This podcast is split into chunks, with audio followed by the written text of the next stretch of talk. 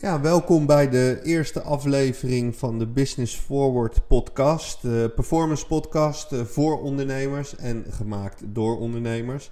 En we hebben iets voor jullie. Ehm, gericht op het helpen van elkaar. En op het bedenken van uh, bijvoorbeeld nieuwe mogelijkheden. En wat we willen is inspireren en aanjagen van improvisatie. Want dat is precies wat we op dit moment nodig hebben. Uh, we gaan ondernemersvisies delen, niet alleen van ons, maar van zoveel mogelijk mensen in onze omgeving. Um, hoe je nu uh, moet uh, werken en handelen, maar ook hoe je straks verder moet met je bedrijf. dit zijn op dit moment nog tafelgesprekken. Afhankelijk van de situatie waar we in zitten, zou dat ook zomaar kunnen zijn dat we naar een, een long distance situatie gaan, maar daar lossen we ook wel weer op. Uh, doelstelling is om eh, gesprekken tussen ondernemers op gang te brengen, hun vragen, maar met name hun verschillende aanpakken aan te horen en ook leren van wat werkt wel en wat werkt niet. Um, daarbij deel je een bepaalde zorg uh, hoe je hiermee om moet gaan. En als je de oplossingen van anderen hoort, zet dat het creatieve deel van je brein weer in werking om een voorwaartse mindset te creëren dat je door deze tijd heen gaat komen. Als je vragen hebt, nou, die komen al binnen via onze social kanalen. Uh, dat is eigenlijk het idee van oorsprong waar uh, deze podcast is uit ontstaan. Omdat er best veel vragen waren. En uh, verschillende ondernemers in onze omgeving met elkaar aan het sparren waren. Hoe zij met bepaalde situaties omgaan toen hebben we bedacht, maar wat nou als we er een microfoon tussen zetten? En ik denk dat het zoveel podcasts op deze manier begonnen is en wij niet anders. Maar we willen die vragen op dit moment gaan beantwoorden, omdat nu is daar behoefte aan antwoorden in die onzekere tijd waar we in zitten.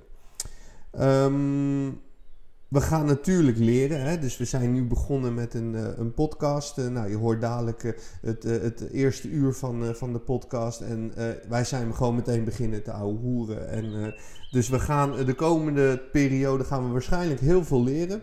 we gaan ook heel veel leren over de opbouw, over de vragen die we gaan krijgen. Um, we gaan op zoek naar het beste format. Op dit moment is het nog zonder beeld. Um, had meer een technische reden dan uh, dat we er niet aan gedacht hadden. Uh, technische reden, dat uh, laten we, proberen we op te lossen. Zodat de eerstvolgende keren dat we er in ieder geval een camera bij hebben. Zodat je er ook wat beelden bij kan zien. Um, nou, probeer aan te haken bij deze, bij deze podcast. Want we gaan echt uh, strategieën en militaire methodieken en tactieken, die hebben we uh, weten te transfereren naar het bedrijfsleven. Dat uh, doet zowel Patrick vanuit Wire to, to Succeed en wij vanuit Hyperteam zijn eigenlijk alleen maar bezig om die succesprincipes die wij heel lang gebruikt hebben, die beproefd zijn op het slagveld, om die te, te verwerken in een bedrijfs of een acceptabele bedrijfsstructuur. En dan uh, zie je dat daar al wat uitdagingen in zaten. We hebben dat inmiddels uh, gevonden. En die gaan we hier uiteindelijk ook gewoon met jullie delen. Want op dit moment is er maar behoefte aan één ding. En dat is saamhorigheid, volharding, door de pijn heen bijten. En dat doe je het beste samen. Dus dat is wat we nu uh, gaan doen. Uh, ik wens jullie ontzettend veel plezier bij de eerste. Uh, gooi je feedback, gooi het maar over de ether. gooi je vragen over de ether op onze verschillende kanalen. En wij gaan zoveel mogelijk van die vragen trachten te beantwoorden. Dus alvast bedankt voor het luisteren en veel plezier met het, het eerste uur van de podcast Business Forward. Patrick. Rico. Dag 1. Godverdikke me. ja, laten we denk ik eerst eens beginnen met uh, hoe wij elkaar hebben leren kennen. Want uh, volgens mij is dat wel even goed. Want wij kennen elkaar helemaal niet zo goed. Hè? Dus uh, het is nog de twijfel of er wel synergie aan tafel is. maar dat moet volgens mij wel, wel goed komen. Ja. ja. we hebben elkaar leren kennen bij Erwin hè, in de ja. box. 020. 020 inderdaad, trainen. En Volgens mij gaf jij maar wat feedback op wat, uh, op wat filmpjes die ik toen aan het posten was. En zo is uh, de eerste kennismaking uh, ontstaan. En wat, daarna zijn we eigenlijk wat, wat dieper in gesprek geraakt. kwamen, kwamen hier bij ons op kantoor eventjes. En hebben we uiteindelijk twee uur zitten kletsen. En toen bleek dat er heel veel synergie was. Ja, absoluut. En uiteindelijk kwam jij met een briljant idee. Nou, voortgeborduurd op jouw idee. Zo gaat dat. En dat is denk ik ook de inspiratie voor deze podcast dat je eigenlijk op het moment dat je met elkaar in gesprek bent, en in ons geval als ondernemer, Dat je eh, door, door de dingen die je bespreekt, die zijn interessant voor ons beiden, hè? anders bespreek je ze klaarblijkelijk niet. Ehm, maar ik denk dat dat op veel vlakken zo is als je ondernemers met elkaar in gesprek hoort, dat dat ook weer betekent dat andere partijen daar ideeën op kunnen krijgen. Dus we borduren eigenlijk voort op een idee van jou, hè, om jouw uh, klankbordgroep zeg maar, te hebben. En uh, ik denk dat uh, zeker gegeven met coronavirus dan zo'n klankbordgroep niet kan samenkomen tenzij dat online doet. Nou ja, dat is even twee dingen aan elkaar knopen. Ja. En dan uh, is het idee voor deze podcast geboren. Ja, want ik had dat, zo'n klankbordgroep had ik in het leven geroepen. Om, omdat ik merk dat er heel veel mensen met onze achtergrond aan het ondernemen zijn. En er is zoveel kennis wat nog niet gedeeld is vanuit het, het elitaire politionele eenheden. Vanuit, of vanuit Defensie in het algemeen. Ja, dat ja. vond ik zo zonde. Dat ik op zoek ben gegaan naar wie hebben nou deze achtergrond. En, en, en hoe krijgen we nou die, die mensen bij elkaar. Zodat je een veel grotere groep van ondernemers kan raken, positief kan beïnvloeden, zodat zij allerlei mega goed werkende strategieën, tactieken kunnen gebruiken in hun eigen dagelijkse business. Ja. Ik maak daar ook elke dag gebruik van. En nu met dat virus is inderdaad is toch wel redelijk paniek. Hè? Uh, hoe kijk jij daarnaar? Ja, ook dat was een van de triggerpoints zeg maar, voor deze podcast. Hè. Uh, je ziet natuurlijk van alles langskomen op, uh, op social media. Um, en uh, wat al eerder gezegd werd in de media ook, uh, 17 miljoen mensen, normaal 17 miljoen voetbalcoaches en nu 17 miljoen virologen. Ja. Dus dan moet je denk ik toch maar heel snel naast je neerleggen. En, en dan zit ik zo in elkaar dat ik, je, kunt, je kunt gaan denken over wat moet ik nu? Hè? En dat is zeker een element wat belangrijk is. Maar ik denk dat je ook moet nadenken over wat moet ik straks? Hè? Want de dingen die worden nu ingericht voor, om, om nu dan verder te kunnen. Maar je moet denk ik ook vooral lering trekken uit... Hey, waar, waar ben ik nou tegenaan gelopen? Wat zijn nou uh, beperkingen van mijn organisatie zoals ik die had ingericht en heb ingericht? En hoe ga ik ervoor zorgen dat een aantal van die dingen in de toekomst... toch echt uh, minder van invloed kunnen zijn op mijn omzet... op mijn personeelsbestand, et cetera. En, uh, en dat maakt dat ik nou, dat, dat graag met jou bespreek... want daar hebben we allebei een mening over... Ja. en ik denk dat op het moment dat we daarover in, in gesprek zijn, zoals in deze podcast ja, dat we daar van meerwaarde kunnen zijn. Niet alleen voor, voor elkaar, zoals we dat gesprek toch wel zouden voeren. Ja. Maar doordat we het opnemen, hopelijk ook voor andere inspiratie uh, kan zijn. Om dan wel soortgelijke besprekingen te houden met andere ondernemers. Dan wel in te tunen de volgende keer op onze podcast. Om te zeggen van nou, er worden dingen gezegd, daar kan ik wel mee. Ja. En ik denk dat dat um, zeker in de omstandigheden van coronavirus nu echt heel erg belangrijk is. Ja, ik vind het altijd belangrijk om, een, om, om je daarin toch wat kwetsbaarder op te stellen, zeg maar. Hè. Even kijken naar hoe raakt corona nou ons als, als organisatie. Ik ben eigenaar van een aantal bedrijven. Een van de bedrijven zou 1 maart live gaan in de aviation sector. Nou, je kan je voorstellen, dat is eventjes uitgesteld op dit moment. Wil niet zeggen dat, dat, um, dat, dat, dat dit slecht, dit, dit, dit scenario is in dat ben je binnen die organisatie eigenlijk niet zo'n slecht scenario. Mm. Want we kunnen daar uh, op een later moment misschien nog wel veel grotere kansen verzilveren. Maar voor nu uh, zit er toch uh, 15 man personeel in. En ja, daar moeten we dus een oplossing voor vinden. Um, gevoelsmatig hebben we die oplossing gevonden voor die organisatie. Maar mijn andere organisatie, Hyperteam, ja, dat is gewoon op dit moment stilgevallen naar nul. Nou, wat heb je gedaan met die 15 man op de bank? Nou, niet op de, wat we hebben gedaan is, we hebben nu een, een, een, eigenlijk een pot geld hebben we gereserveerd. Die hadden we al voor allerlei onvoorzienheden. En uiteindelijk zien we nu dat als we met slimme strategieën teruggaan naar de skeleton crew die we waren, hè, dat is die 15 man, kunnen we blijven ontwikkelen uh, van hetgeen wat we aan het bouwen zijn. En misschien komt dat gedurende die podcast nog wel eventjes aan bod, maar laten we daar nu niet te diep op ingaan. Mm. Uh, en we, kunnen, uh, we hebben dus eigenlijk genoeg uh, vlees op de botten om dat, ja. om dat vol te houden. Ja. Dus dat, dat helpt. Hè? Dus dat is vreemd vermogen aangetrokken en in dat vreemde vermogen en de contacten daarmee met die partijen die zeggen ja logisch vasthouden nu. Want het moment dat er dadelijk weer vliegbewegingen zijn, ja, dan ziet de wereld, er, ja, dan ziet de wereld er acuut anders uit voor ons. Dus dat is nu even uitzingen, die situatie. Maar bijvoorbeeld high performance teams, waar we uh, grote corporates bedienen uh, met trainingen, maar dat zijn allemaal fysieke trainingen. Hè? Want wat wij hebben geleerd ja. als militairen dat brengen wij over aan die corporates om die teams te verstevigen, te versterken. En ja, je ziet dat alle keynotes die zijn afgezegd, uh, alle trainingen die zijn uh, afgezegd. Dus dan wordt er van je verwacht dat je niet stil gaat zitten. Hè? Want uh, Erwin zei het van de week ook, we kunnen mooi in een hoekje gaan liggen janken. maar ja, dat heeft geen zin. Nu is het moment om op te staan, je kin omhoog te doen en voorwaarts te bewegen. Ja.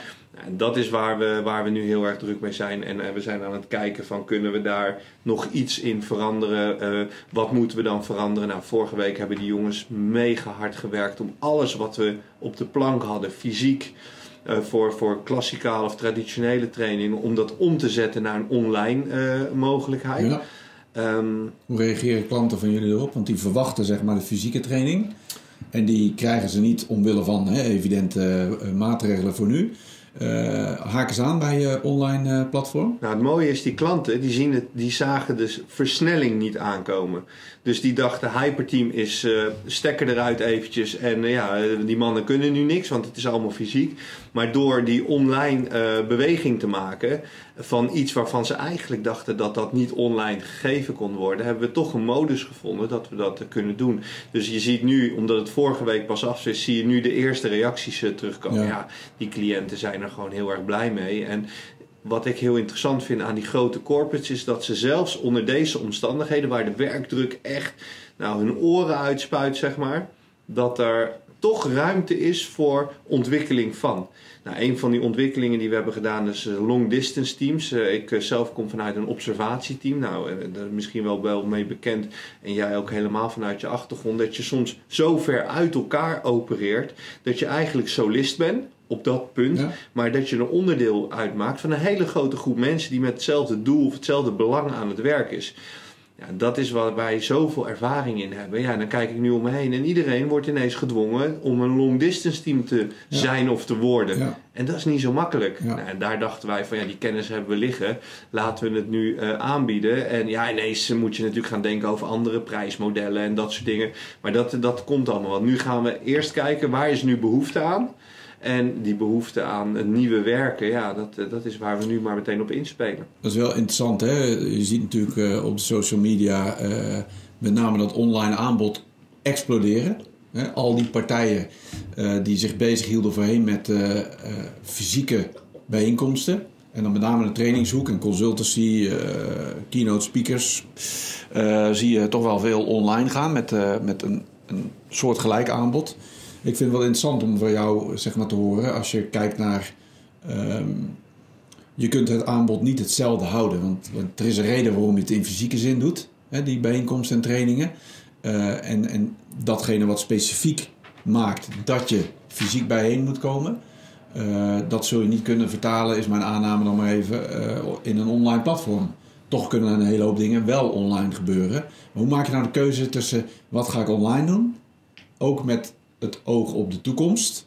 Om te voorkomen dat je straks alleen nog maar online gaat zijn. Hè? Dus wat, wat, maakt dat je straks bijvoorbeeld hybride kunt gaan opereren? Nou, wat we nu hebben, we hebben heel bewust de keuze gemaakt en de scheiding ook gemaakt tussen de theoretische modellen. Die kunnen we natuurlijk online gewoon uh, blijven doen.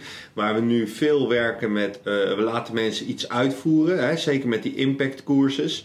We, laten mensen, we stoppen mensen in een situatie waar ze nog nooit in hebben gezeten. Totaal onbekend. Ze hebben geen idee wat, hun gaat, uh, gaat, of wat ze staat te wachten. Um, op het moment dat we die, die oefening draaien, dan laat, confronteren we ze met hun mate van samenwerking. Dan kijken we primair naar zeven human performance skills. Maar dat is een fysieke handeling natuurlijk. Maar wat we ze gedurende dat proces meegeven, is die theoretische kennis of het kader rondom die prestatievaardigheden die ieder mens uh, bezit.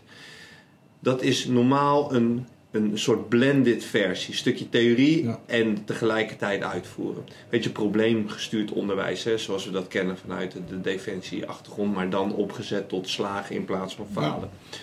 Nu hebben we gezegd, laten we die theoretische kader laten we die weghalen. Uh, op het moment dat we een long distance team moeten kunnen trainen, dan betekent het ook dat we een long distance moeten kunnen opleiden. En dat is een uitdaging die we zijn aangegaan met elkaar. Van ja, hoe ziet dat er dan uit? Ja, dan moeten we het long distance doen. En zo kwamen er ideeën. Ja, en dan komen er meteen weer initiatieven. En dan heb ik gelukkig een team van mensen die zeggen van... Oh, ik heb een paar ideeën, die beginnen dat uit te werken. Ja, dat wordt natuurlijk meteen afgeschoten door iedereen. En dan komt er weer een nieuw plan. En, en zo ben je aan het bouwen met z'n, met z'n allen om uiteindelijk tot die, eh, tot, die, tot die mooie versie te komen waar je tot wil komen. Is die dan 100% absoluut niet, hè? Ja, Hij is dat- echt nog niet, eh, nog niet Dat mag klaar. ook niet verwacht worden, hè? want jullie hebben natuurlijk eh, zelf ben je even high performing team geweest door in een no Ja. time eigenlijk je content van de shelf om te katten naar een online versie daarvan. Wat, wat ik hierin wel hoor voor eventuele toeluisteraars die met dit soort eh, overwegingen bezig zijn, is dat je eigenlijk van je opdrachtgevers die nu zeggen van eh, training gaat niet door, want we kunnen niet bijeenkomen, toch wel een buy-in mag verwachten. Dat ze zeggen van nou weet je, we gaan je online training afnemen, want het theoretisch kader wat je daarin biedt, hebben we hoe dan ook nodig, want dat Ja. zat ingebakken in je training. Dus die investering doen we even goed, toch? Ja. En straks op het moment dat we weer in staat zijn om ook fysiek te gaan trainen, ja, dan is dat deel al ingevuld. Kun je mogelijk tijdwinst pakken hè, door je fysieke training in te kunnen korten, maar nog wel zeg maar eh, te gaan toetsen datgene wat je sowieso al in je oefensetting eh, eh, zou willen zien en willen Dat beoefenen. Ja, dus dan snijdt het mes aan twee kanten. De ondernemer die getroffen is, omdat hij geen training krijgt, krijgt wel training. Dus alle deelnemers, hun kennis wordt verrijkt. Kunnen ze zelfs voor een deel al mogelijk gaan toetsen in hun praktijk. En toepassen. En toepassen. Ja. Ja. Eh, En aan de andere- kant, de ondernemer die de training aanbiedt, in dit geval jullie, hè, kunnen zeggen van nee, maar die buy-in is er. Dus er wordt al voor betaald. Ja. En de training gaat dus in een andere vorm door, maar we besparen in de toekomst dus daarmee tijd. ja. Dus dat is een hartstikke mooi model, wat denk ik voor, eh, voor andere partijen ook prima bruikbaar is. Nou, kijk, waar wij naar kijken is, eh, je hebt een, eh, een lange termijn. Hè, en dan praat ik over lange termijn, praat ik natuurlijk normaal gesproken, praat je dan tussen 5 en 10 jaar. En nou, dat moet ik in deze situatie, heb ik dat absoluut losgelaten. Lange termijn, of laten we de midlange termijn noemen, is voor mij nu een jaar. Wat over, wat, waar staan we vanaf hier een jaar verder? Eh, nou verwacht ik niet dat we een, een jaar in, eh, in de problemen zitten. Maar ik verwacht wel dat we nog een jaar lang de effecten gaan voelen van, van dit. En misschien nog wel veel langer. Dat er gewoon echt een nieuwe... Een nieuwe eh, is niet ondenkbaar. ja, gewoon een nieuwe situatie ontstaat. En, en een van de belangrijkste dingen die ons ooit is aangeleerd is: hey, pas je aan naar je situatie en eh, zorg dat je je zaken voor elkaar hebt. En op het moment dat je moet aanpassen, ja, eh, shiften binnen een tiende van een seconde, accepteren en zo snel mogelijk weer die voorwaartse mindset creëren om te bewegen. Ja, dat is wat we hier ook gedaan hebben. Alleen je hebt natuurlijk twee uitdagingen, of tenminste twee kanten. Je hebt de langere termijn, zeg eventjes Ja. nu een jaar plus. Maar je hebt ook korte termijn. En in korte termijn zit je natuurlijk met omzet. Ja. En ehm, wat heel veel ondernemers doen nu, en we zien het veel in de performance coach gesprekken die we nu ook naar de online omgeving aan het shiften zijn. Zij, iedereen maakt zich druk over het geld wat binnen moet komen. Ja. Maar de reden. Begrijpelijk, hè, vind Dus ik overigens, als ondernemer. tuurlijk. En dan eh, zit daar nog wel een, een eh, verschil in, in mijn optiek tussen de, zeg maar, de kleine zelfstandigen met, eh, laten we zeggen, tot 10 man personeel of geen personeel. En de grotere organisaties, die hebben ook andere soortige problemen. Hè? Ja. Het zit niet per se meteen in omzet. Nee, Maar bij de kleinere clubs denk ik dat eh, dat wordt gelijk gevoeld. Nou, ik heb het nu even over die, over die kleinere Ja. organisaties. Hè? Want eh, de, de, kijk, de grote corporates die hebben genoeg vlees op de botten, maar die moeten ook keuzes maken. ja. Hè? Ik bedoel, als ik kijk naar zo'n KLM die er gewoon wat is het, Absoluut. 2000 mensen eh, eh, eruit zet. Ja. Dat, dat is een noodzakelijk kwaad. Dat willen ze niet, maar ze moeten het wel doen. Dus die hebben ook echt wel uitdagingen. Maar wat je ziet is, mensen hebben nu de korte termijn problematiek. En dat is het gebrek aan omzet. Ja. En door te focussen aan het gebrek op, door te focussen op het probleem gebrek aan omzet, vergeet je te kijken naar de oplossing. Het, het probleem ook van het virus, dat gaat niet weg. Dat is er gewoon, punt. Dat is accepteren nu. Accepteren dat er een nieuwe situatie aan het ontstaan is. En je daar naartoe shiften om aan te passen. Ja. En ik merk dat heel veel mensen op dit moment het moeilijk vinden om die shift te maken. Ze zitten heel erg in het van ja, ik kan hier niks aan doen. Tien jaar bedrijf opgebouwd, dramatisch. Dramatisch. Nou, en dat, dat is denk ik ook de reden waarom wij deze podcast eh, doen. Hè? Want dat is geboren uit, laten we eens kijken of we anderen kunnen helpen. Ja. Vind ik super gaaf. Ehm, en ja, ik snap dat als je jaren hebt gebouwd aan een bedrijf en eindelijk zeg maar iets van vet op de ribben krijgt, dit komt voorbij, dat je in die mode schiet van fuck, dit had ik niet aanzien komen, wie wel. En, en, maar het heeft een impact, duidelijk. Eh, je hebt het over forward mindset. Ik denk dat je, wat ik zie op LinkedIn en op eh, andere social media, is dat die forward mindset die lijkt er wel te zijn. Met andere woorden, heel veel ondernemers stappen, eh, staan eigenlijk op en zeggen van oké, eh, ik ga dit anders doen. Ik ga net als jullie, ik ga dingen online doen. Eh, wie kan ik helpen? Zelfs dat soort eh, Ja. aspecten worden, worden aangedragen. Dus laat ik zeggen, die forward mindset. eh uitspreken is één ding, ik heb hem. Dan heb je hem dus nog niet, maar dan heb je hem uitgesproken. Maar als je die forward mindset hebt, is er nog niet per se een oplossing voor. Maar hoe moet ik dan eh, omgaan met wat ik nu meemaak? En hoe moet ik me zeg maar, gereed maken voor de periode na deze coronacyclus, zeg Ja. maar. En dat is natuurlijk best een, een, eh, een hot issue, een prangende vraag. Ik eh, onderken wel wat je zegt, dat heel veel dan getriggerd worden van... oké, ik moet nu echt rap zorgen voor omzet. Ja. Eh, ik lees ook inderdaad wel verschillende mensen die dan zeggen... ja, dat is de verkeerde focus. Je moet eigenlijk focussen op waar ben ik goed in... en hoe kan ik dat nou beter laten aansluiten... want dat is denk ik de opdracht die je hebt als ondernemer, Zeker. altijd. Hoe kan ik dat nou laten aansluiten bij mijn huidige klantvraag? Hoe ziet die eruit? Welk Ja. probleem heeft die klant nu eigenlijk op dit moment... eh, waar ik vanuit mijn goede eh, aspecten een oplossing voor kan blijven bieden? Ja. Nou, generaliserend gezegd is die klantvraag natuurlijk en masse veranderd. Mogelijk wel, ja. En, eh, en ook het moraal waar, een, eh, een van, waar je cliënten nu eh, mee zitten. Moeten ze wel of niet? Of moet er meer aandacht aan het personeel? Er zijn zoveel vragen die nu allemaal tegelijk afgevuurd worden. Ja. Dus wat je ziet is die, die, die, die partijen die nu behoefte hebben aan, aan trainingen of aan, aan, aan advies of wat dan ook. Die hebben behoefte aan specifiek kundig advies.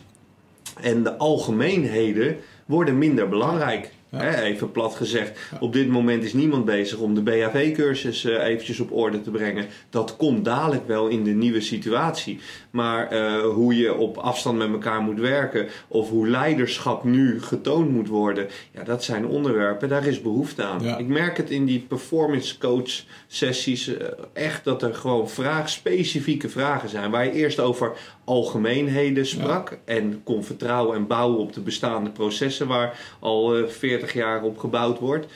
Zijn die processen nu weg. En eh, voelt iedereen alsof hij aan het zweven is. En eigenlijk nog niet kan vliegen. En dat is waar, waar heel veel mensen moeite mee hebben. Dus dat die onzekerheid. Die, die komt heel erg uit zich. Heel erg in, in afwijkende keuzes. Eh, sommigen worden ineens van heel passief naar, of heel actief naar ontzettend passief. En die gaan zitten wachten tot de klant de vraag gaat stellen aan hen. Ja, en dat is denk ik waar je, eh, waar je het verschil Ja. moet maken. Je moet echt actief blijven. En, en dat geeft je ook een doel. En dat geeft je ook meteen weer die voorwaartse mindset om, eh, om iets te kunnen bereiken. Want Ja. je, je moet, je kan niet stilstaan. Stilstaan is dodelijk. Nou, als je, hè, wat ik dan eh, ook wel eh, lees en hoor, een mooie kreet, customer intimacy.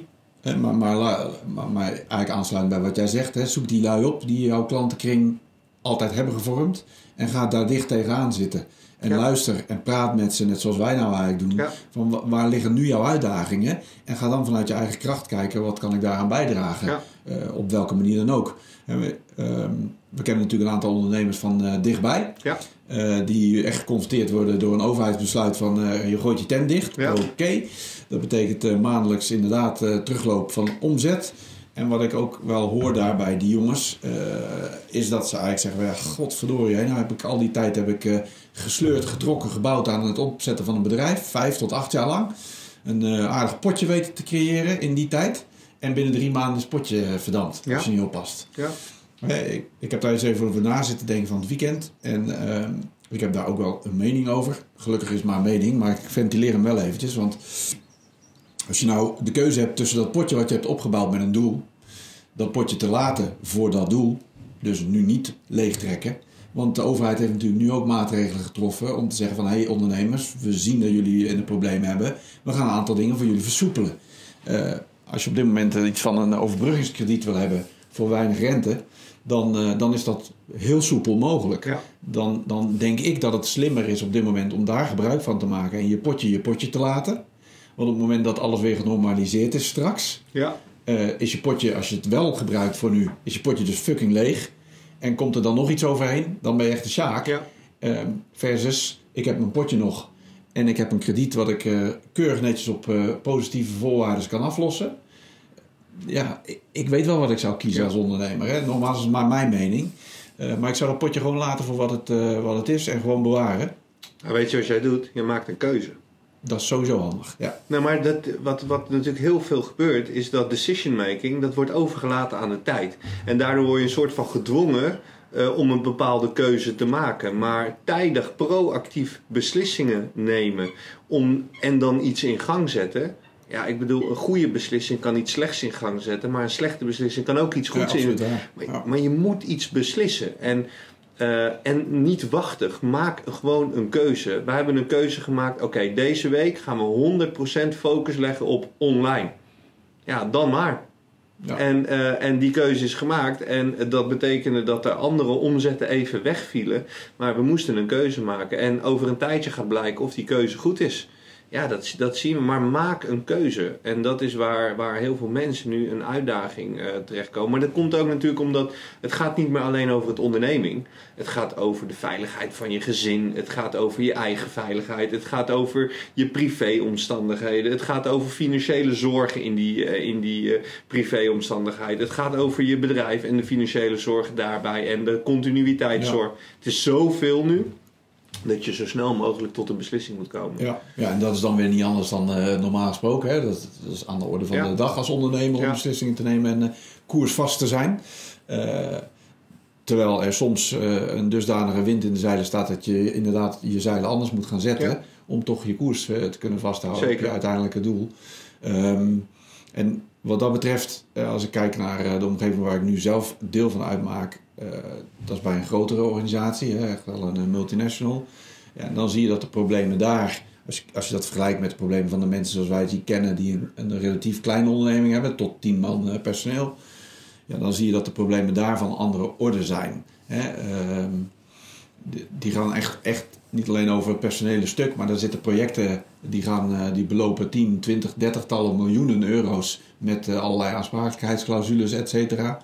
Uh, vertragingen uh, kun je wel of niet hebben. Dus daar liggen de, de keuzes ook wel op uh, wat ordegroottes hoger. maar uiteindelijk blijft het wel, maak een keuze. Ja. ook daar geldt dat een, een ondernemer of leider van zo'n organisatie stelling moet nemen en, en daar actie op moet gaan zetten. Ja. Want anders word je speelbal en dan, ja, dan ben je uitgepiepeld voor je het weet. Ja. ja. Ja, het is, het is, kijk, weet je, uh, waar heel veel bedrijven nu tegenaan lopen. En dan de multinationals, dat is inderdaad nog een ander verhaal. Ik, een tijdje geleden had ik een post geplaatst. En iemand reageerde, want ik, ik zei dat de, de multinationals de grootste klappen gingen, gingen ontvangen. En, um, en iemand plaatste daarop terug, ja, maar het is de kleine ondernemer die echt geraakt wordt. Nee, dat, dat is ook zo. Maar die multinational, die bepaalt daarop van de een op de andere dag dat er bijvoorbeeld 6000 mensen uit moeten. Ja. En uh, de, de individu uh, die gewoon nu, uh, want dat, het was eigenlijk een reactie op een aantal individuen die het als een soort van vakantie bestempelden. Geen werk hoeven verrichten, thuis mogen zijn of een semi-thuis werken. En daar werd een beetje lacherig over gedaan. En toen, vanuit ondernemersperspectief is het natuurlijk killing dat personeel zo denkt dan. Hè? En um, de realiteit is dat mensen helemaal niet doorhebben dat deze crisis het grote multinational waar ze werken misschien wel eens om zou kunnen Zeker. trekken. Ja, absoluut. Nou, toen de eerste signalen van KLM binnenkwamen, Ja, wel. toen was ineens uh, duidelijk van hoe als dit soort jongens om kunnen Ja. vallen, dan beginnen mensen zich weer druk te maken om hun baan. En uh, op het moment dat het virus al lang voorbij is, dan zitten er dadelijk, uh, ik weet niet hoeveel werklozen thuis en dan moet die economie weer op gang Ja. gaan komen. En dat probleem gaat vele malen langer duren dan, uh, dan, dit, uh, dan dit verhaal, zeg Ja. maar. Tenminste, dat is nu de, de verwachting. Als je nou kijkt naar jouw eigen club, hè, want je, hebt, eh, je bent eh, meervoudig ondernemer, zeg maar, met verschillende bedrijven. Ehm, de afgelopen twee weken, wat heb jij nou echt anders gedaan dan voorheen? Uh, nou, dat, dat is eigenlijk wel. Ik ben nog gedisciplineerder gaan, gaan, gaan mijn structuren gaan bouwen. Uh, als, ik was al, hè, ik, en even kijken vanuit Ja. mijn eigen persoon. Uh, ik, ik ben fit, uh, ik, ik, ik ben daarop gaan letten. Uh, een tijd, hele tijd geleden al. En ik ben al de, mijn, hele leven al aan het sporten. Maar nu zit ik echt in, een, in power routines. Ik ben echt, ik, ik ben 's ochtends zorg ik dat ik mijn kop leeg heb. Door even een tijd voor mezelf te nemen. Meditatief dan.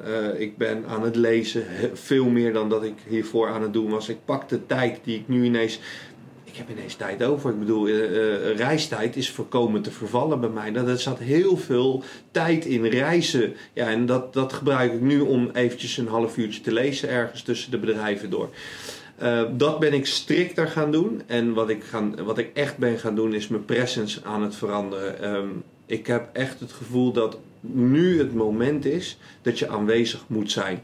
Um, en daarmee je eigen problematiek en je zorgen een klein beetje opzij zetten. Uh, waardoor je de ruimte hebt om naar andere mensen te luisteren en daar een verhaal aan te koppelen. En ik ben op zoek naar de juiste toon om, om de mensen, om, om ze iets te bieden waar ze ook echt wat aan hebben. Ja, dat is echt de, de, de why-vraag. Waarom doen wij wat wij doen? Die is bij mij zo hard binnengekomen dat ik dacht van ja, het interesseert me eigenlijk helemaal niet zoveel of ik er nu geld voor krijg of niet. En dat is wel een, een mooie bewustwording waar ik altijd heel erg money driven was. Hè. Ik, ik, ik ben een ondernemer, ik kijk naar omzet, ik kijk naar winst en uh, ik wil dat zo hoog mogelijk en zoveel mogelijk uh, verkrijgen. Maar nu was ik eigenlijk bezig met van, ja, maar nu is het moment, upgrading your potential, dat is wat we moeten doen. Creating peace of mind, dat is wat we moeten doen. En dan moeten we daar ook de hele dag mee bezig zijn, ook al levert het geen euro op dat is zo extreem veranderd bij mij. Dat ik, uh, dat ik, ik wist dat het in me had. En ik wist ook, ik kende de theoretische modelletjes. En ik wist wat je moet doen om daar een bepaalde mate van succes in te krijgen. Maar dat is nu vier keer zo hard, uh, hard doorgekomen. En wat brengt het je? Nou, mega veel energie. Ik ben echt, ik, ik zit, ik, ja, het klinkt heel gek. En ik weet dat er heel veel ellende in de wereld is. Maar ik sta fluitend op. Ik ben echt positief over wat er de toekomst gaat brengen. Ik zie kansen. En wat ik voornamelijk op een of andere manier heb weten te ontwikkelen, is de ruimte om nu te leren. Ik kijk naar mensen, ik denk, wow, kijk het primaire gedrag van mensen. Ja, ik vind dat één, soms bizar om te zien, soms heel emotioneel of ontroerend. het, het hele verhaal in Italië is ook zo mooi dat mensen op de balkon staan te zingen. En dan vinden we het, het plaatje is mooi om te zien hè, dat met iedereen uh, gebroedelijk staat te zingen. Maar feitelijk kunnen mensen, sociale wezens als ze zijn, niet meer sociaal zijn door die lockdown. En wat zie je dan? Alternatief om toch verbinding met elkaar te maken. Nou, ik denk als jij terugdenkt aan de tijd dat jij met een, een groen vlekkenpak liep. Als we het zwaar hadden en het mocht, dan werd er tijdens het lopen werd gezongen. Gewoon uh, broederschap creëren. Je zit samen in hetzelfde schuitje. Ja, dat is hoe mensen op dit moment aan het verbinden zijn met elkaar. Ja, kijk daar nou eens vanuit een marketingstrategie naartoe. Dit is, dit is dus verbinden. Dit is de nieuwe marketing. Zorg dat je in contact komt met elkaar. Wij hebben een beter gesprek als wij met elkaar, eh, elkaar in de ogen aankijken. Maar de kunst is nu om in de nieuwe realiteit dadelijk op een andere manier verbinding te maken. Ja. Dat, en dat is, ik ben daar nu elke dag zit ik naar te kijken. En in alle eerlijkheid, ik schrijf elke dag in een journal schrijf ik op welke opvallende dingen ik gezien heb en welke raakvlakken dat heeft. Oh, maar dit is denk ik ook een hele mooie tip. Hè? Uh, uh, tijdens dat je dit zit te vertellen, zit, uh, ben ik natuurlijk ook aan het processen. Ja. En dan denk ik bij mezelf, ja, dit is, dit is eigenlijk wel een voorbeeld van wat ik sowieso wel een belangrijke eigenschap vind. Niet per se alleen maar van ondernemers, maar ook met name in het domein van uh, ontwikkeling, is dat stuk reflectie. He, je, kunt, je kunt enerzijds is het van belang denk om aan zelfreflectie te doen. Aan de andere kant is het ook een ondernemer die zich verplicht om te kijken, hey, wat gebeurt hier nou?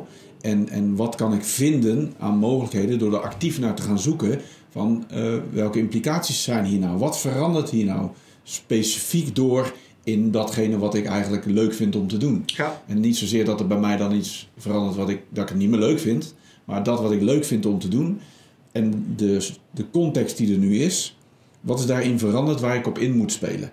En, en de vraag stellen, blijft die verandering zo? Want dan moet ik er misschien nog meer mee doen ja. dan er alleen nu op inspelen. Of is dit een tijdelijk dingetje? Hè? En niemand heeft kristallen bal, maar het helpt wel om daar goed over na te denken. En dan helpt het zeker als jij dingetjes opschrijft zoals ja. jij doet zodat je over een paar dagen, een paar weken nog eens terug kunt lezen. En denk, oh ja, verrek, die had ik nog gemist. Maar dat is ook, dat is ook een kans. Nou, ik wil er wel even op reageren, want een tijdelijk dingetje is het natuurlijk niet. Als je gaat, dit is namelijk primair gedrag van de mens. Wij hebben vanuit dat high performance teams hebben we gekeken, wat is nou de mens en, en samenwerking? Alles wat we hier om ons heen hebben. De hele maatschappij is één grote vorm van samenwerking. Zeker. En, eh, en dat primaire gedrag van mensen, dat is, dat is al sinds de oertijd zit dat erin. Alleen we zijn het de laatste 40, 50 jaar zijn we het gewoon langzaam gaan vergeten om mens te zijn. En daar krijgen nu heel veel mensen, krijgen daar nu een, eh, even de bitch slap voor. En eh, die krijgen nu die vlakke hand in het gezicht van oeh, eh, en nu? Want we hielden ons vast aan universitaire opleidingen, we hielden ons vast aan allerlei technische vorming. Maar die non-technical skills die we allemaal bij ons Soft hebben, skills. die soft skills, die hadden we helemaal niet meer nodig. Ja. En wat zie je dan gebeuren? Dan zie je dat mensen nu in blinde paniek soms zijn, omdat ze gewoon niet in staat zijn om een missieanalyse te doen. Ik sta nu hier, we moeten daar naartoe, hoe kom ik daar? Blinde paniek. Zitten volledig in het gevoel.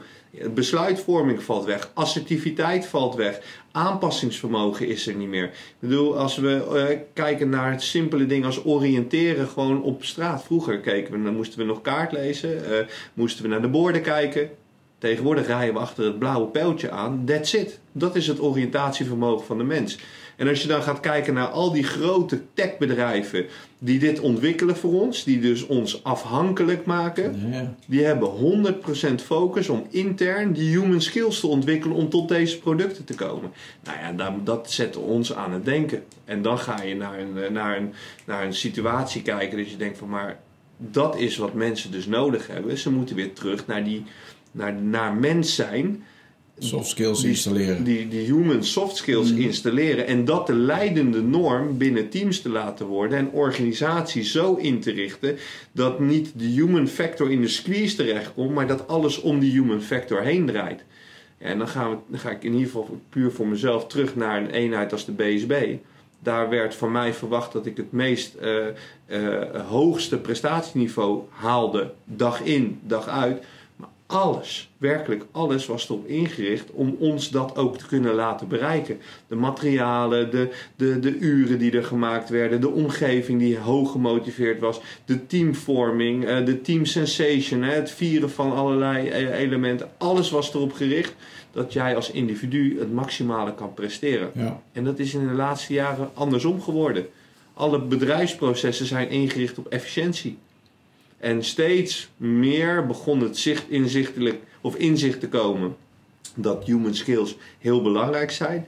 Ja, dit is de, dit is de, de grote rode knop die nu is ingedrukt. Nu eh, is het keihard nodig, wat, ja, wat wij al eh, inmiddels acht jaar aan de roepen zijn. eh. en soms heb je dit soort dingen nodig dat dat inzicht komt. Dus En- voor jou als ondernemer gaat jou dat helpen, zeg maar, Zeker. wat er nu gebeurt.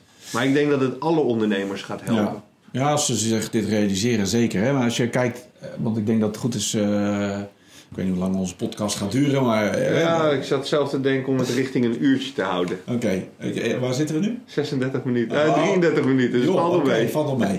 nou goed, ik denk dat als. helemaal aan het begin hebben we denk ik misschien iets gezegd. En anders zeggen we het nu dan in ieder geval. Dat, dat wat mij betreft het onderwerp hier is hoe je als ondernemer nu iets kunt doen. Maar ook. en wat straks dan.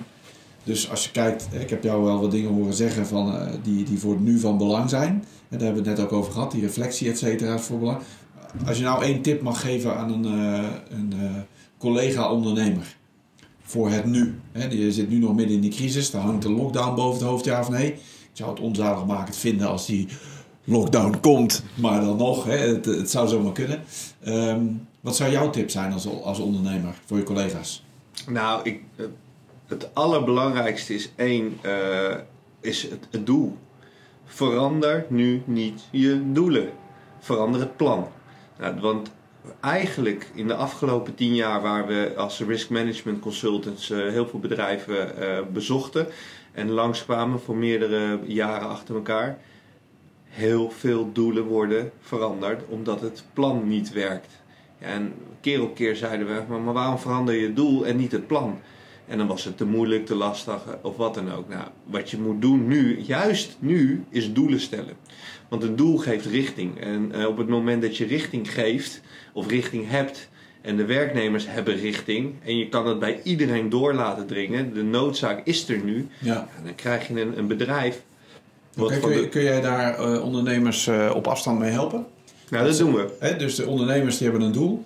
De weg daar naartoe, die hadden ze bedacht, maar die eh, wordt nu in de Ja. wielen gereden. Eh, nu moet er een nieuwe weg naar het doel komen. Kun je ze helpen? Nou, wat, wat we nu zien is in die eh, performance coaching, waar we normaal die gesprekken gewoon één op één op hele afwijkende locaties doen, om, om soms mensen een beetje in de war te maken, zeg maar. is het nu iets minder eh, fysiek contact, dus veel is het online. Alleen wat je ziet is, mensen zijn bezig met nieuwe doelen. En wat wij doen is, we zetten ze terug op het oude spoor. Want de doelen die ze hadden waren goed. En de externe omstandigheden die er nu gaande zijn, hoeven het doel helemaal niet te veranderen. En daarna gaan we ze met eh, wat, wat dieptevragen, gaan we ze helpen van, ja, maar hoe kom je nou dan met, tot een nieuw plan? En hoe zorg je dat je de verbinding maakt met werknemers, waar nu heel veel van verwacht Ja. wordt. Of met leveranciers, of met ketenpartners, of whatever. Het maakt niet zo gek veel uit. Ja. Dus daarin helpen we eh, mensen eh, gewoon te sparren. We stellen eigenlijk hele domme vragen. En op het sommige komen met hele complexe, ingewikkelde plannen. Ja, het enige wat ik zeg, maar ik snap het niet. Ik snap het niet. Leg het nou eens uit alsof ik 13 jaar ben. Ja. En dan zie je dat door, door die plannen te versimpelen in een hele complexe omstandigheid zoals we nu leven. En het plan is simpel, dan is het makkelijker uitvoerbaar dan dat je een heel complex plan in een complexe omgeving moet uitvoeren. En er komt gewoon niks van terecht Ja. dan. Ja. Dus, dus Ja. dat, dat, dat is wel, dus daar helpen we mensen in. Ja, dus voor het nu zeg jij, hè, je doel staat, laat staan. De weg daar naartoe die je bedacht had, eh, helaas pindakaas, Ja. even, even anders. En eh, des, desnoods, of desgewenst, gaan, eh, zijn er organisaties die van jou... Die zeggen van nou wij kunnen je helpen om eh, die nieuwe wegen te vinden naar dat vastliggende doel. Want dat doel moet je gewoon laten zoals het was. Ja, kijk, wat we, wat we nu doen is mensen beginnen ook zelf na te denken. Je hoeft niet direct naar een consultant te rennen. Dat is, dat is punt één. Want eh, eh, we zijn ook echt wel gestopt met zelf nadenken. Voor elk computersysteem wat geïnstalleerd wordt, komt inmiddels een, tegenwoordig een, een jaar lang een consultant in om het uit te leggen. Ja. Maar ik weet zeker dat nu wij zo in gesprek zijn en als, als mensen dit beluisteren... dan tijdens het luisteren gaat die processor natuurlijk ook van alles dat is bedenken. de bedoeling. Precies. De bedoeling Dus- is ga aan. Ja, Weet je, Ja. ga aan. Begin zelf je plannen te maken. absoluut vertrouwen in dat dat ook wel gaat gebeuren. Het hoor. gaat gebeuren. Ja, Je moet, alleen je moet ervoor openstaan. Want als jij er niet voor open staat en je zit alleen maar met je, met je kop in het nieuws, dan word je één, dan word je doodgegooid met je. Hè, over het situational awareness gesproken, een van de pijlers waar wij ons op richten. Tegenwoordig eh, kijken wij naar de nieuwsberichten en 80% van de berichten uit de non-media is, is niet juist. Ja. Is feitelijk onjuist Ja. of onvolledig, waardoor je een verkeerd beeld krijgt. Dus situational awareness krijgen op de situatie die gaande is. En je moet je beperken tot hele betrouwbare, controleerbare bronnen. ja. Maar Wat je, wat je nu moet doen is zelf gaan nadenken. Ga naar die zelfbewustzijn toe. Van oké, ga eens even zitten. En ga gewoon eens bedenken, wat heb ik de afgelopen jaren gedaan? Wie ben ik nou eigenlijk? Wat is mijn bedrijf? De domme vragen stellen. Zoals je ooit een business case hebt opgebouwd. Dat is eigenlijk nu het aanvangspunt om de crisis door te komen. Gewoon weer terug naar de Ja. basis. Nou, nou, nou denk ik, hè, ik hoor je dit zeggen en eh, ik kan het niet helpen om dan ook de stemmen van andere ondernemers... Ja, leuk verhaal, maar daar heb ik godverdorie helemaal niks aan nu. Want ik moet godverdorie brood op de plank. Ja. Mijn omzet loopt leeg en ik heb mensen en eh, kak, kan nu niks. Ja, Ja, dat kan je wel. Hè, want je kunt eh, eh, naast dat wat jij aangeeft, denk ik vooral degene die dit eh, horen, hoop ik dat die geïnspireerd raken om andere ondernemers op te zoeken. ja, Hè, wij zitten hier met z'n tweeën, dat mag gelukkig. ja. Dus, en we zitten ook met anderhalve meter afstand. Zeker. Prima. Maar je kunt het ook online. Ja. Dus je kunt andere ondernemers en ga sparren over de problemen die je hebt. Maar vooral over de oplossingen die daar aan Ja. de grondslag liggen. En net als wij dat doen als wij elkaar aan de telefoon hebben. eh, super. Want dat geeft weer input in die Ja. grijze massa. Om te denken, oh, wacht even. Rico die zegt toch eh, best wel rake dingen waar ik ook wel eens mee kan. Bijvoorbeeld. Nou, eh, dat soort dingen dat zouden ondernemers ook nu alvast kunnen doen. Sowieso die mastermind groepjes die werken. hè? Ja, absoluut. Je dwingt namelijk om te luisteren naar mensen die andere inzicht hebben. En je hoeft er niks mee te doen. Ja. Mag wel, hoeft niet. Nee, maar dat Ja, is het. En precies. wat ik veel doe, en zo hebben we ook Hyperteam eh, opgericht, is ik haal van wel 20, misschien wel 30 verschillende bronnen haal ik inzichten. En daar maak ik mijn eigen inzicht van. Precies. Want ik geloof in alles wat ik, wat ik over dit onderwerp gelezen heb. Dat geloof ik. Alleen ik geloof dat het niet altijd even toepasbaar is. En wat ik getracht heb met mijn team is een proces te bouwen wat voor iedereen toepasbaar is. Utopie gaat nooit lukken, want iedereen raken, dat, gaat, dat, dat werkt niet zo. Maar er zijn bepaalde branches en bepaalde doelgroepen die horen wat je zegt. En al doen ze een tiende van hetgeen wat je zegt, dan heb je al een voorwaartse beweging weten te realiseren.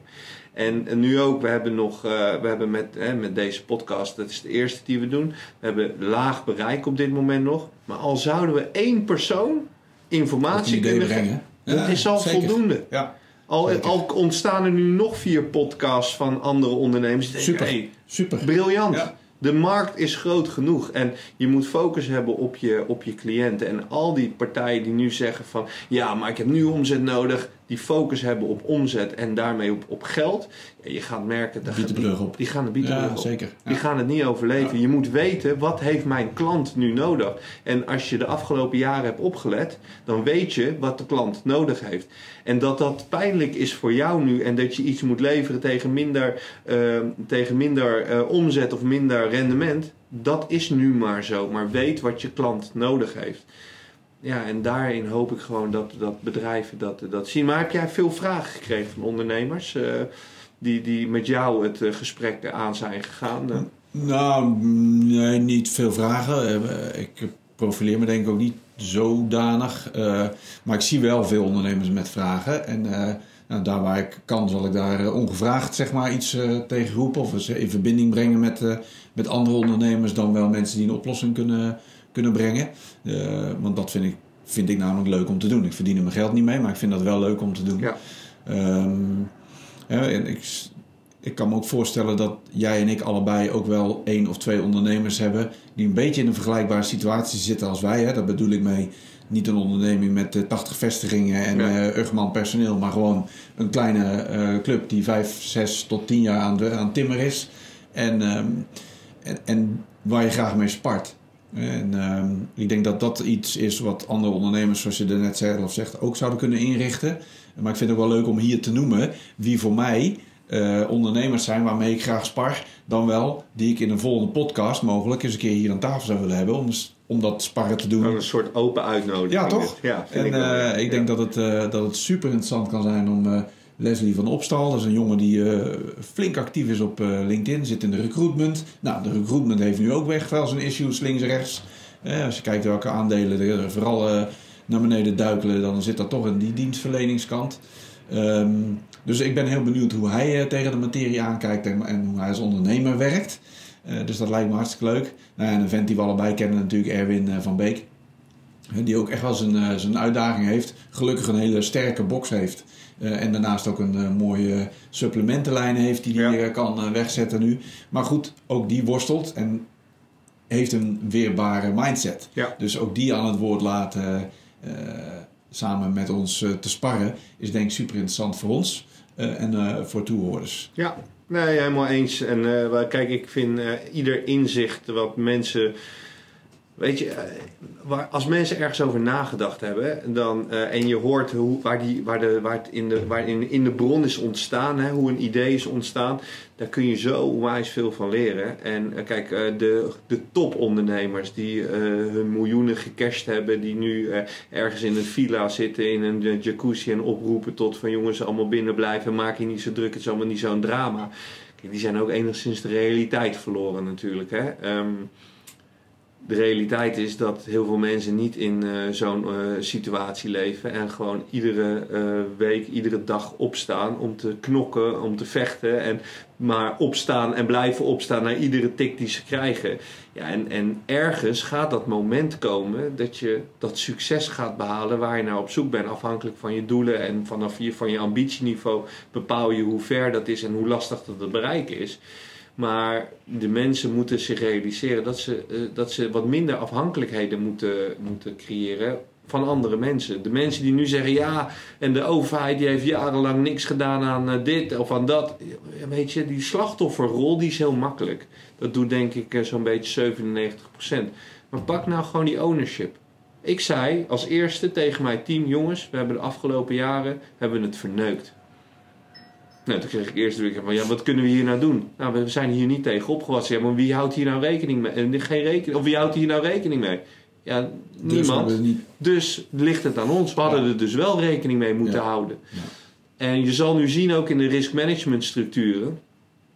Een virus wordt meegenomen in de continuïteitsborging van bedrijven. Ja, lesson identified, Ja, noemen we dat. ja, ja. en eh, de, de, de best practices die gaan we dadelijk zien van hoe zijn bedrijven hier nou doorheen gekomen en hoe hebben ze in vredesnaam, hoe hebben ze dat nou bereikt. En soms is daar heel veel geld voor nodig geweest, maar soms blijkt het ook gewoon een mindset Ja. van een persoon of van een groep mensen te zijn die gewoon iets in beweging heeft weten te houden. En met zoveel passie en met zoveel commitment dat doen, dat je eigenlijk je eigen situatie een beetje vergeet.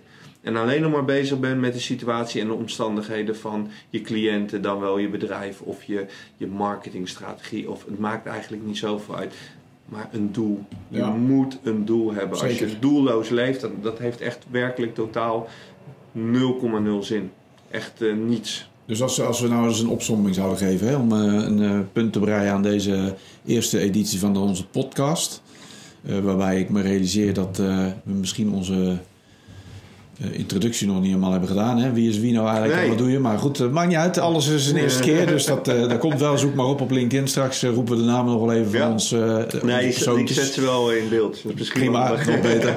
Ehm, maar dat, we- dat we kunnen zeggen van oké, het, is eh, het is slim om keuzes te maken. Dus, dus neem in ieder geval een besluit en ga dat, eh, ga dat oppakken. Stel niet je doel bij, maar je plannen daartoe. Daar kun je hulp bij, eh, bij gebruiken. Eh, spreek met andere ondernemers. En wissel daar ideeën over uit. Over jou, hoe nu verder dan. Eh, en ik zou ook eigenlijk echt wel willen eh, toewerken. Misschien moeten we dat in een volgende podcast proberen een beetje verzameld te hebben. Van wat zijn nou de implicaties die op lange termijn zeg maar ertoe gaan doen. Waar je nu als ondernemer al rekening mee kunt gaan Ja. houden. Dat, is, dat, dat is niet per se koffiedik kijken. Want er zijn denk ik al wel genoeg inzichten geboden door experts en wat mindere experts. Eh, die, die de implicaties van deze crisis op termijn eh, schetsen. Eh, we kunnen zelf nadenken erover. En ik denk dat ook daarin interessante gesprekken gevoerd kunnen worden. Die weer leiden tot inzichten waar je als ondernemer echt iets mee kan en, en zou moeten doen. Ja, wat ik ook graag zou willen doen en volgende keer is de what-if scenario's. Eventjes gewoon eens een aantal scenario's is gewoon, is gewoon bedenken welke gevolgen heeft dat nou voor me. En eh, de overheid zegt eh, ja misschien een lockdown van twee weken. Maar wat nou is als dat acht weken is? Hoe ziet het er dan uit? En welke omstandigheden hebben we dan mee te maken? Want vanuit, vanuit de, eh, de, de achtergrond die wij hebben. Hè, want het is misschien toch wel heel even goed om dat te benoemen. Allebei een defensieachtergrond. Inhoudelijk kunnen we misschien volgende keer er wel wat dieper op ingaan. Allebei bij elite-eenheden gewerkt. Inmiddels al hele tijd eh, ondernemer. Eh, en ervaring in het ondernemerschap en in het, eh, in het eh, bedrijfsleven. Ehm, waar we, waar, waar, waar, en dan ben ik mijn verhaal kwijt. Erg, hè? Oh, Nee, dat je die scenario's wilde bespreken. ja, dat we, oh ja, dat we die scenario's een, een, gewoon een, een. Dat we gewoon eens doorlopen van, oké, bijvoorbeeld het onderwerp veiligheid. Ik krijg echt mega veel vragen over veiligheid. Eh, hebben we wel genoeg politie? Is er genoeg defensie? Is er niet te veel eh, bezuinigd? Nee. Eh, antwoord is, ja, er is te veel bezuinigd. maar de mensen die daar werken, die zorgen uiteindelijk wel dat ze net eventjes dat tandje extra erbij zetten.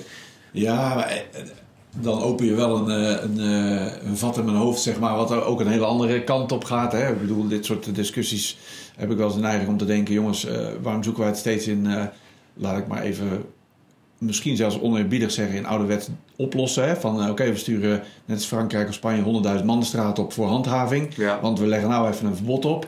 Ehm, terwijl een Google eh, dat eh, zo geregeld heeft. Want die weet precies wie wanneer waar is, met wie. Ja. En waar ze in geïnteresseerd zijn. Dus dat kan ook anders. Behalve door de privacywetgeving. Correct, hè? maar vreemde, vreemde tijden vragen misschien om vreemde tijdelijke maatregelen. Ja. Dus, maar dan, dan ga je een andere hoek in. Ik ken ook wat jongens die zitten in, eh, ook in de security risk hoek. Hè, die vooral bezig zijn met eh, de grote corporates te adviseren van oké, wat doe je in deze situatie met die mensen in overzeese gebieden? Halen ze naar hier? Wat betekent voor je lokale productiecapaciteit, et cetera? Dus eh, dat zijn interessante invalshoeken, maar wel, of maar, en voor een heel specifieke doelgroep. Ja. Dus eh, ik denk dat we ze zeker aan kunnen raken en bespreken, want het raakt sowieso jouw werk. Eh, dus dat komt voorbij. Ja. Ehm, en er zitten denk ik een aantal ondernemers die ja, op, een, op een wat kleinere schaal naar veiligheidsaspecten kijken. Want wat ook nu in het nieuws is, is we werken lekker met z'n allen thuis. Op die onbeveiligde netwerken van ons thuis. Ja. Met die eh, telefoons waarmee we ook allerlei wazige apps hebben geïnstalleerd. Ja. Nou, succes met je cybercrime, maar dat eh, is natuurlijk wel een dingetje. nu. Ja. Ja, want je wordt nu gewoon mega kwetsbaar natuurlijk. Correct. En, eh, bedoel, dat, maar dat is inderdaad misschien wel even goed om de, de volgende keer te bespreken. Risk management Ja. en eh, kwetsbaarheden die je ervaart. En met name afhankelijkheden. Eh, ja, die manifesteren zich altijd op het moment dat je er niet op zit te wachten. Ik zeg, eh, we zullen het eh, waarschijnlijk wel in tekst bij deze podcast zetten. Maar hey, heb je onderwerpen als je dit hoort en je zegt van nou dat vind ik interessant eh, als eh, daar eens over gesproken wordt, want dan krijg ik dan meer ideeën door. Dan moeten ze denk die maar naar ons toesturen. Ja, nou, Eh, dat, dat sowieso. Ik hoop dat we meer dan twee luisteraars hebben de eerste Ja. keer. Dus we Ja, ik moeten, ga luisteren, dat dat, dat sowieso. Dus we moeten hem even goed delen, zeg maar. Maar ja, wat- het is gewoon, ik vind het leuk om te doen. En leuk echt om, om, om, om te praten over bedrijf, over de business algemeen. Om te praten over de kennis die we hebben opgedaan in een... nou ja, voor mij is het, is het de meest belangrijke periode van vorming geweest. Hè. Mijn defensietijd, dat is echt eh, mega, mega waardevol. Ik eh, ga dat nooit meer vergeten. Ik ben heel dankbaar voor de mensen die mij daar ooit hebben opgeleid. Dat ik uiteindelijk eh, dat dit heb weten te bereiken. En ik gebruik het iedere dag. Dus dat wil ik graag met mensen delen. Ik vind het mooi om dat, om dat te doen. Dus ik, ik kijk echt uit naar om hier continuïteit aan te geven en structuur. En eh, ja, laten we inderdaad die ondernemers aanspreken die, eh, die vragen hebben. Maar ook gewoon mensen in het algemeen die misschien voor een onderneming werken. Die zeggen, ja, hoe, wat kan ik doen om eh, een toe, grotere toegevoegde waarde voor mijn team te zijn? Want die vragen die kunnen we beantwoorden. En ik denk dat het wel goed is dat dat ik eventjes een. Ja. een biootje in onze, in Ja, onze eerste podcast video die we op YouTube gaan plaatsen. Die zal ik wel eventjes erop zetten. Dus Top. nou, dit is even kijken. 52,5 minuut. Lijkt me mooier voor deze eerste keer. Dat dacht ik, dat dacht ik. Ja, we gaan even kijken, want we hebben al bedacht over hoe vaak we dit gaan doen. Dus zetten we een biootje. Zetten we het zo over. Oh, oké, ja, ja, ja, Ja. Even kijken Ja. of, de, of de werkdruk aan kunnen. Ja. Nee, komt Mooi. goed. Eh, dankjewel man voor eh, de eerste man. keer. Super. En eh, we, gaan, we gaan snel weer met de tweede komen. Doen we zeker. Hey, tot Top. snel. Hoi.